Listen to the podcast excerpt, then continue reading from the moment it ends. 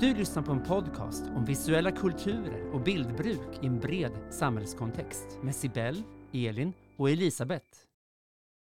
Det här avsnittet så bygger vi vidare på vårt tidigare avsnitt med samma tema Deepfake.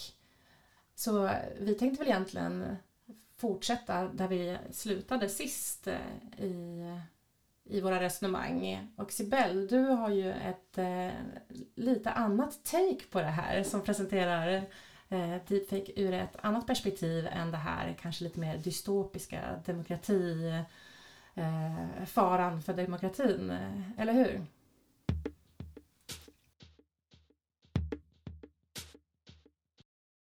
Då kommer vi över till film nummer två som jag har sett och det är Using AI Generated Face Doubles in Documentary Welcome to Chechnya. Eh, alltså Välkommen till Tjetjenien heter den filmen. På svenska. Eh, den här filmen är en dokumentärfilm av David Frans som är reporter, författare och dokumentärfilmare. Och eh, som tidigare främst gjort undersökande journalistik inom hbtq-området och han är också själv gay. Eh, och lite bakgrund till den här filmen då, eh, för också alla som inte känner till eh, vad som pågår i Tjetjenien. Eh, filmen fokuserar på anti-gay-rörelsen, eller snarare kanske utrensningen, som skett åtminstone sedan 2017 i Tjetjenien. Och Tjetjenien är alltså en delrepublik i Ryssland. Ett okänt antal personer som eh, myndigheter misstänkts vara bisexuella eller homosexuella har fängslats och torterats i vad vittnen och människorättsgrupper har beskrivit som koncentrationsläger. Eh, många har även försvunnit spårlöst. Eh, oppositionella tidningen Novaya Gazeta rapporterade 2017 om det här och att Special Services kallade fängslingarna och tortyren för en slags förebyggande åtgärd. Alltså mot eh, homosexualitet och bisexualitet. Eh, Tjetjeniska republikens ledare Ramzan Kadyrov eh, förnekar att det skett en förföljelse av hbtq-personer samt att de ens skulle existera i republiken eftersom han menar att om sådana hade funnits så hade de blivit dödade av sina egna familjer. Journalister som har rapporterat om den här utrensningen har behövt gå under jorden och många hbtq-personer har försökt fly med hjälp av människorättsorganisationer men har haft problem med att få ut visan till detta. Det är de här personerna som vi får följa i den här filmen. Det är alltså ett antal personer som har blivit torterade eller förföljda och gått under jorden och nu då under filmens inspelning försöker fly från Tjetjenien med hjälp av aktivister och säkra boenden. Och eftersom det här filmteamet inte kunde vara öppna med vilken slags film de gjorde så används dolda kameror i form av till exempel mobilkameror, GoPro och handycams. Så det här materialet som de spelar in är alltså av varierande kvalitet och det kommer bli lite viktigt senare. Ehm, men givetvis var det otroligt viktigt att skydda identiteten på de här hbtq-personerna och i det här avsnittet av Witness Media Lab så berättar då eh, regissören David France om de avvägningar filmteamet stod inför. Vanligtvis när personer med skyddad identitet medverkar i dokumentärfilmer så används ja, men blurring till exempel. Alltså du vet utsuddande eller pixelering av ansikten. Eller kanske mörkläggning, alltså att personen befinner sig i ett mörkt rum där hens silhuett är mörklagd. Eh, och även så används också ofta röstförvrängning. Eh, men i ett ganska tidigt skede av filmproduktionen så bestämde sig det här filmteamet för att undvika de här teknikerna eftersom eh, det kunde upplevas som avhumaniserande. Det skulle alltså bli svårt för en tittare att ta till sig personens berättelse och skapa medkänslan som var en av ja, grunderna till den här filmen. Att väcka eh, uppståndelse eller eh, ska, ja, sprida information om vad som hände. Och att eh, själva grunden i filmen är de här berättelserna hos de medverkande. Så hur skulle de lösa det här? Jo, eh, till en början så var tanken att använda sig av rotoscoping, eller rotoskopi på svenska. Känner ni till det mm, uttrycket? Mm. Rotoscoping är alltså en animationsteknik där man utgår ifrån filmat material och skapar konturer av personer som sen omvandlas till teckningar. Liksom Det tänk... behöver inte vara animation. Utan man kan också, det, det finns ju så här, ja, det ser ut som deepfake. Eh, man, alltså man använder exempelvis, eh, låt oss säga att man tar massa bilder från Donald Trump och sen så frame by frame så, så klistrar man in hans ansikte i ett annat. Så eh, ja, det är också rotoscoping. Så det behöver inte alltid vara animation. Eller det är animation men det behöver inte vara tecknat. Det var det jag Bra, bra inpass eh, ja, I den här filmen så, så var det då tecknade ansikten man, man tänkte på då. Alltså i stil med typ tänk Ahas musikvideo till låten Take On Me, om ni kommer ihåg den. Mm. Ehm, och eh, när David Frans visade exempel för de medverkande så upplevde de att de ändå riskerade att bli igenkända. Alltså att de här animationerna var ändå för lika hur de såg ut. Så därför började teamet experimentera med att förvränga ansiktsdrag eh, som de också visar på, exempel på den här filmen och eh, då upplevde de att resultatet snarare blev komiskt som alltså blev helt fel i sammanhanget. Eh, de tog också in en konstnär som fick förenkla dragen och göra alla medverkande i en mer specifik eh, konstnärlig stil. Eh, men även det då upplevdes som avhumaniserande. Sen tog då filmen en ny riktning när filmteamet stötte på ett väldigt tidigt deepfake-klipp som ni två säkert har sett. Det var ett klipp som lades upp på Reddit 2017 eller 2018 tror jag. Av Nicolas Cage vars Mm, mm. ansikte syns på filmkaraktärer som Gollum, Indiana Jones, James Bond. Eh, Så då testade då filmteamet att lägga in just eh, Cage ansikte via appen FakeApp på sitt existerande material. Och då upplevde de att de hittat rätt effekt. Det är lite som, det, det känns som att det är släktskap med det du beskrev Elisabeth, med den här läkande liksom. Eh, att använda deepfake som någon slags läkande kraft. Och lite som, jag tänker att det är lite samma tanke. Men alla, alla karaktärer fick eh, Nicolas Cage. Alltså, Bara, bara i eh, första skedet. Eh, jag vet inte, jag tror inte de Jag menar inte att Nicolas Cage. Cage ansikte läker, läker trauman. Eller kan det vara avhumaniserande? Det är oklart. Om, om 30 personer har Nicolas Cage ansikte så tror jag att det blir, Då kommer vi kunna läka alla världstrauman. jag tror att det blir lite fel. Då. Ja, hur som helst så det här eh, Nicolas Cage-experimentet ledde då fram till att de bestämde sig för att AI eh, är det de vill använda och då eh, deepfakes. Eh, och här kommer vi till en ganska intressant aspekt för då behöver de alltså då ett 30-tal ansikten till de här personerna som hade skyddad identitet. Och då börjar de med att kontakta SAG som är Screen Actors Guild, alltså en eh, skådespelarförening, eller förening för skådespelare kan man säga. Ehm, men blev då mötta av viss förvirring eftersom de var ju egentligen inte ute efter skådespeleri. De behövde ju någon som kunde bli avfotograferad i hur många som helst olika eh, vinklar i en timme. Ehm, så det var svårt bara Det med... vill säga att de ville skapa en bildbank som de kunde träna AI på. Är det så? Exakt, Mm. precis. Eh, och det är ju inte ett klassiskt skådespelarjobb så det blev helt enkelt svårt med hur, hur man sätter lönen för ett sånt jobb.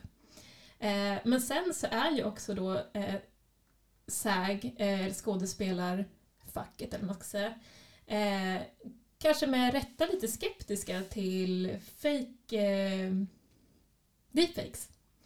Eh, eftersom det här innebär ju att skådespelare kan förekomma i nya filmer, alltså skådespela i nya filmer utan att faktiskt få betalt för det.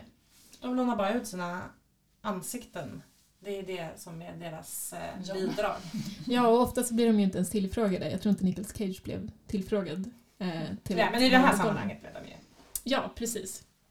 Så det var helt enkelt, eh, det slog lite fel. Men då valde de istället att kontakta hbtq-aktivister över hela världen med då ansiktsdrag som fungerade med grundmaterialet. För det var väldigt tydligt också att man hade ungefär samma benstruktur i ansiktet för att liksom, ja men om en näsa var för lång, om originalpersonens näsa var lång och eh, den här aktivistens näsa var kortare så stack liksom originalnäsan ut lite grann.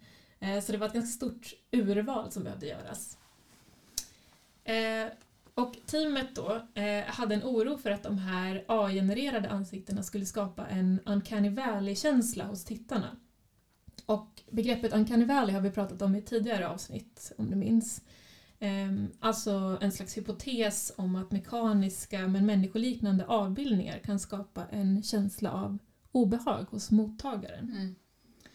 Eh, så då satte de ihop en testgrupp som fick se materialet. Eh, dels då materialet med rotoskopi, originalmaterialet, eh, det här AI-genererade materialet, alltså deepfaken, samt en deepfake där de behöll ögonen hos den ursprungliga personen eftersom de misstänkte att just ögonen kunde vara det som kunde göra det lite obehagligt. Och det intressanta med den här testgruppen var att deepfaken fick bättre resultat än originalpersonen, alltså originalmaterialet. Eh, dock misstänkte de att en förklaring kunde vara att den här testgruppen upplevde den här aktivistens ansikte som mer attraktivt än originalpersonens. Mhm. Något som också originalpersonerna påpekade ibland. Att de var aktivisterna snyggare alltså? Jag tror att det är subjektivt. Ja, Men de lyckades matcha en publik som Ja, som- hade en smak som lutade mot aktivisterna. Ja, Exakt. Supermärkligt. Ja.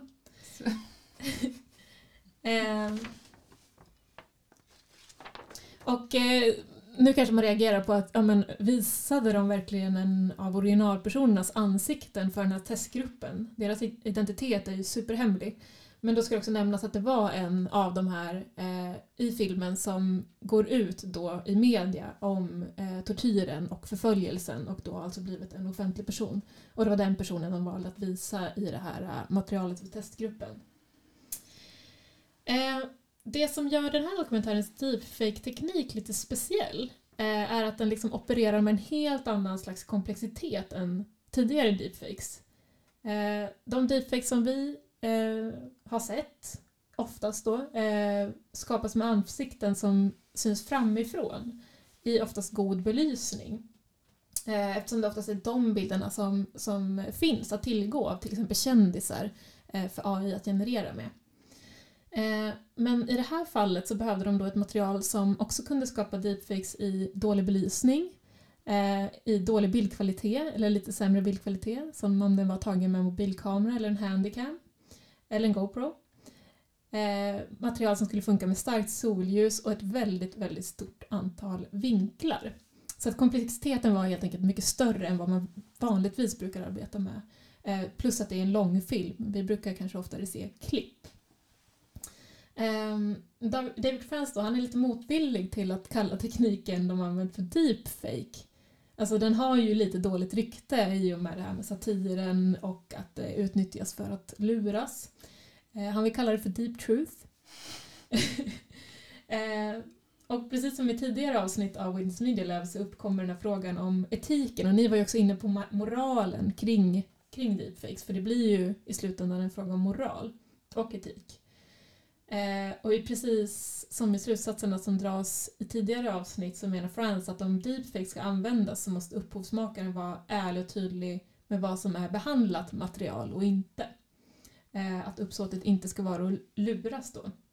Och därför la de till en slags halo eller gloria runt ansikten på de utbytta ansikten i postproduktionen. Så att det ska bli någonstans tydligt vilka som är eh, de här medverkande med skyddad identitet. Jag vill se dokumentären. Sådär. ja verkligen. Ja, just det. Och jag vill ju jättegärna kolla på den här filmen också. Eh, och den finns på HBO, men inte HBO Nordic. Dock Du kanske på Viaplay. Vi, vilket år var den här var gjord? Du kanske sa det, jag glömde bort det. Eh, 2020 blev den klar, Mm. så förra året. Och, och vad hette den nu då? En gång till. Welcome to Chechnya. Välkommen till Tjetjenien. Exakt.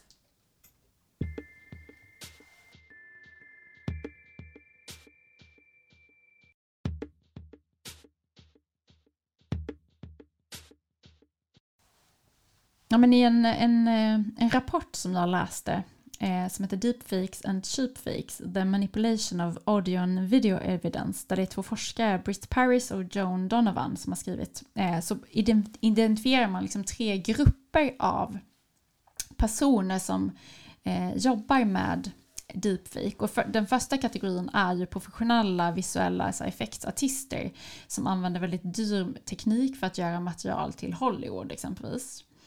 Eh, och sen har man en grupp som är någon slags lös sammansättning av glada amatörer och teknikentusiaster som eh, organiserar sig online och reproducerar de här dyra AI-teknologierna eller teknikerna med gratis eller konsumentklassade programvaror. Och här finns också då en subgrupp.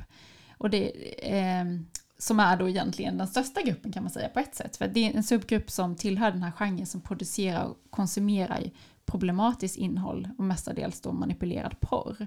Men att gränsen mellan de här tre grupperna också de är... är 90 procent då kan man sig. ja, precis. Eller 96.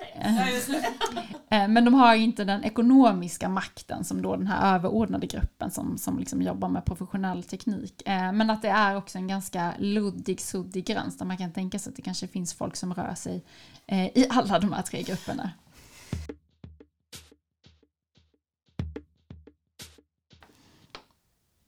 Jag kollade på ett avsnitt som heter Arkiv, historia, minnen och deepfake som var ett samtal mellan fem personer, konstnärer, forskare och journalister. Jag tänker att jag kommer inte rabbla upp alla de här namnen för det kommer bli så tråkigt att lyssna på. Eh, men vi kommer lägga en länk, eller hur, på Instagram eller Facebook där man kan gå in och titta på de här själv om man vill.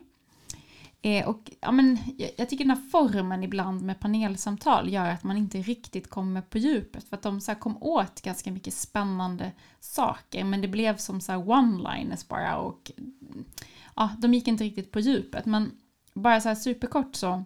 Jag tänker att det som vi har pratat om ganska mycket här handlar ju om just så här eh, källkritiskt tänkande då. Hur ska vi förhålla oss till de här lögnerna som sprids? Men i det här avsnittet så förhåller de sig till källtillit kan man säga istället. De pratar om arkivet nämligen. Och att ett arkiv tar emot och bevarar och vårdar handlingar, dokument eller material av olika typer. Och ett arkiv är på så sätt en bevarare av historia och kultur. Och historiskt sett så bygger ju arkivet på eh, trovärdighet och eh, förtroende. Och man har också sett under århundrade just på arkivet som att det är en, en trovärdig källa till kunskap kan man säga. Eh, så vad vi sparar i ett arkiv är fundamentalt kan man säga för vårt kollektiva kulturella minne. Eh, och att ett dokument som förvaras eller ett material ska vara fast och permanent eller fixerad och det ska vara det den utse, utger sig för att vara, det vill säga autentiskt. Och det är lite det också jag tänker den traditionella definitionen av ett eh, källmaterial helt enkelt. Här kanske man också ska tilläggas att arkiv är ju inte neutrala eller objektiva. Utan ibland så brukar man använda det här ordspråket eh, att ett arkiv är the thoughts and beliefs of the winner. Det vill säga att en, ett arkivs ägare kontrollerar också kunskap och världsbild. Eh, men de pratar om arkivet i förhållande till deepfakes ur två perspektiv kan man säga. Och det ena är liksom bara en frågeställning som lyfts. Att om det sipprar in deepfakes i ett arkiv vad kommer det göra med vår syn på arkivet och arkivets trovärdighet? Och att det kan ställa till ett, ett stort problem. Alltså i dagens liksom, snabba informationstakt så behöver vi de här fasta eh, institutionerna eller liksom som bevar, som vi kan gå, alltså vi behöver, vi behöver källtillit, vi behöver de här liksom fasta, trovärdiga eh, olika typer av arkiv att vända oss till helt enkelt. Så det är en liksom, aspekt av det. Och den andra aspekten som de tog upp är hur vi ska arkivera deepfakes. Eh, och att man då pratar om, de, de gjorde en liknelse. Eh, om man tänker sig ett barn som växer upp och formas av den sam, det samhälle, den kultur som det här barnet växer upp i. Alltså barnet får på så sätt någon slags partiskhet eller bias som man pratar om ofta i källkritiska sammanhang. Eh, och att de här bitarna av samhälle och kultur som for, formar ett barn är ju också det man också vill bevara på något sätt för att det blir en spegling av en samtid. Och så pratar de om, om hur man då kan se AI, alltså man skulle kunna likna en AI vid det här barnet. Och att en AI då färgas av de här träningsprogrammen som de helt enkelt eh, blir utsatta på. Och träningsprogrammen blir därför också ett kulturellt uttryck värd att sparas. Jag tänker i vårt avsnitt eh, tror att det heter- AI ser dig. Ja, så pratar vi ganska mycket om ImageNet. Och hur ImageNet inte är det här neutrala träningsverktyget utan att det finns liksom inbyggda bias eller partiskheter som är liksom någon slags spegling av samtiden. Jag tänker mm, kopplat... För ImageNet är ett, stort, ett jättestort bildarkiv. Ja, Eh, och det kan man som sagt lyssna vidare på om man vill eh, göra det i det avsnittet AI ser dig. Men där pratar vi om hur, hur, hur, det finns inbyggda bias som oftast hänger ihop kopplat till ja, så här, ras, etnicitet eh, eller kön. Eh, och att, ja, men ett väldigt tydligt exempel som vi beskriver där är ju att det är ofta vita personer som eh, klassificerar de här bilderna på ImageNet vilket gör att AI tränas på vita ansikten. Så när AI ser ett svart ansikte så kan det inte ens definiera Eh, det här ansiktet eh, för att det är så ovant vi att träna på den typen av bilder. Och att därmed blir det också viktigt att spara de här, eller arkivera de här träningsprogrammen för att de också säger någonting om vår samtid. Eh, och så diskuterar de lite fram och tillbaka hur, hur, det ska, hur man ens gör det, hur, hur sparar man eller arkiverar man liksom ett, ett träningsprogram för AI. Eh, och de pratar också om att alla lösningar på då är det här problematiken kring deepfake måste inkludera synen på bevis och bevisets historia eller källmaterial. Eh, men också hur sociala processer är med och producerar eh, sanning.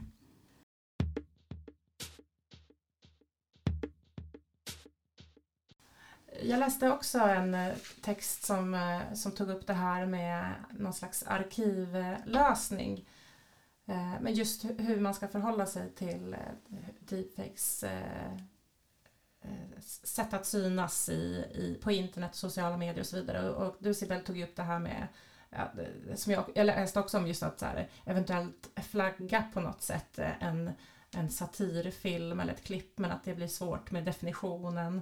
Mm. Eller att man på något sätt kan hänvisa grupperingar på, på Facebook. Att har du en video finns det andra vinklar eller andra som också har publicerat någonting då från samma sammanhang. Att försöka hitta någon sådana slags lösningar. Eh, men också att sociala medier består ju så mycket av algoritmer och att man behöver omprogrammera algoritmerna för att det inte ska bli den här eskalerande Eh, Eh, processen men att det här hela tiden blir någon slags katt och råtta-lek. Att eh, det utvecklas AI-teknik och deepfake-teknik och sen måste man då utveckla teknik som kan avslöja den här tekniken och då utvecklas en ny teknik och så vidare och att det är liksom algoritmer som bygger på algoritmer och så håller man på att jaga på det där sättet. Och att ett annat sätt är ju då att eh, på något sätt hänvisa till ett ursprung att spåra ursprunget istället för att syssla med den här katt och råtta-leken och att arkiv, att på något sätt ha eh, hänvisat till arkiv. Det finns väl det här eh, som jag inte har stenkoll på, eh, The Internet Archive som är något sånt här enormt arkiv och att man kan bygga då på något redan existerande och försöka hitta en form för det här. Eh, men det är väl ganska hisnande just vilka mängder av data som, eh, som, som ska rymmas och som du var inne på Elin, hur, hur hur gör man rent mm. praktiskt? Jag tycker också Eh, nej just det här, eh, ett, som ett svar på det här problemet med AI så är det många som efterfrågar lagstiftning eller att man ska kontrollera den här teknologin eller till och med förbjuda dem. Eh, och ja men, eh, de nämner superkort också i det här samtalet just att att det som händer då, eller det som skulle kunna hända, om, om det är liksom bara en liten klick av redan en, en privilegierad grupp som har liksom en stor ekonomisk kapacitet och som har liksom en teknologisk kapacitet, om det är de som får äga den här tekniken bara, så får ju de också en otrolig makt eh, över att kunna alltså, använda den här tekniken, vilket i förlängningen skulle kunna göra att de har fått en väldigt stor påverkan över hur vi ser på bevis och sanningsanspråk. Och jag tänker liksom att det, det gäller att de personerna som som, som eh, sitter på det här privilegiet eller makten över den här tekniken i så fall om vi alla, alla andra förbjuds att använda den verkligen är personer som, som förvaltar det förtroendet. Eh, jag läste om eh, eller Institutet på framtidsstudier jobbar en eh, person som heter Pontus Strimling och han har också tagit upp just det här att eh, makten som finns hos AI-utvecklare och en lösning för hur framtiden, liksom, hur man ska hitta någon slags kontroll över det här som jag tycker var ganska intressant. Han tycker att man ska införa en AI-skatt alltså en hög eh, skatt på AI-utveckling just för att det pumpas in enorma mängder i den här industrin. Och, och som du just sa så sitter det ju då en grupp människor eh, och utvecklar den här tekniken. Eh, och det finns nästan ingenting av de här pengarna som på något sätt går till att se vilka effekter tekniken gör på ett samhälle, på människor, på ja, men, vad tekniken skapar egentligen för, för någonting. Eh, och då menar han att om vi sätter en hög AI-skatt på hela den här utvecklingsbranschen så går det att de pengarna ska gå oavkortat till forskning kring vad AI-tekniken skapar för effekter på samhället. Då kan vi kanske liksom hitta någon slags balansgång som också så här decentraliserar den här makten på något sätt. Ja, det här är också, är de inne på i det här samtalet som jag såg först av eh, ja, delarna i den här serien, alltså det som var ett panelsamtal om eh, satir till exempel. Ehm, just så här, att man behöver skjuta in mer pengar även på till exempel nyhetsredaktioner för att göra det här första urvalet. Vi pratade om labeling eller liksom att kategorisering. Att det behöver också anställas personer eh, som kontinuerligt Eh, klassificera det här. Eh, för att när man ska arkivera då, hur ska man hitta det? Jo, men då behöver det göras klassificeringar när det kommer in direkt och ibland så har det ju hänt också att nyhetsredaktioner har publicerat deepfakes utan att veta att det är deepfakes och så vidare. Eh, att man helt enkelt behöver en redaktör, en slags AI-redaktör eller deepfake-redaktör. Att även pengarna ska gå, gå dit. Och det här gäller väl också moderatorer med mera som jobbar på Facebook, Twitter, Instagram och så vidare. Och bara för det så kommer jag tänka på eh, ett, ur ett historiskt perspektiv och så kopplat till bevis och rättegångar hur man brukade tänka. Eh, under 1800-talet var det muntliga vittnesmålet det mest trovärdiga beviset. Eh, och sen så kom ju, eh, sen blev det skriftspråket eller nedskriven dokumentation togs för fakta av både historia eller i rätten och för dem kändes mindre mystiska än nya teknologier som exempelvis fotografier. Och ville man ha med en röntgenbild på en rättegång så var man tvungen att bjuda in en tekniskt kunnig person som kunde berätta hur en röntgenmaskin fungerar och förklara hur det gör, varför man kan se insidan av kroppen med en röntgenbild. Jag tänker på det du sa, att det är kanske där någonstans man också behöver så här, eh, vajan. Vi behöver liksom eh, teknologisk kunnig personal, vi behöver personer som eh, har liksom en visuell literacitet, som är duktiga på visuell läskunnighet och förståelse kring de här infrastrukturerna, teknologierna och så vidare. I många olika typer av institutioner. Mm, just för att balansera ut den här eh, makten som, eh, som du nämnde tidigare, att det blir ett fåtal eh, tekniskt kunniga som sitter på den och att det behöver balanseras ut av eh, folk som granskar den också. Och när man får mer fokus på effekterna så kommer ju hela den här diskussionen in eh, väldigt snabbt in på etik och moral. Eh, och det tycker jag, ju mer man har satt sig in i det här, att det, det är så lätt att eh, hamnar hamna i den här teknikdiskussionerna och att det är, ja, men det är spännande med teknologi och utveckling och man ska förklara hur det funkar och att man blir fascinerad över att det går och så vidare. Men att det också kan nästan bli kidnappat av personer som är intresserade av teknikdebatter och just det här etik och moral, eh, kanske mer mjuka värden och liksom större perspektiv på demokrati, samhälle, människor som ska bygga någonting gemensamt. De frågorna hamnar i någon helt annan situation och diskussion och att det, det rör man sig mer och mer också kring källkritik, diskursen i största allmänhet att eh, absolut källkritik, men det handlar ju också väldigt mycket om källetik, vad vi vill att vi ska leva i för slags värld och vilka gemensamma överenskommelser kan vi landa i här? Ska vi, ska vi, ska vi sluta oss till att vi ändå vill ha mänskliga rättigheter och ska de gälla alla? För då handlar det ju också om deepfake, att vi ska få behålla våra mänskliga rättigheter och inte hamna våra ansikten på någon annans kropp och så vidare.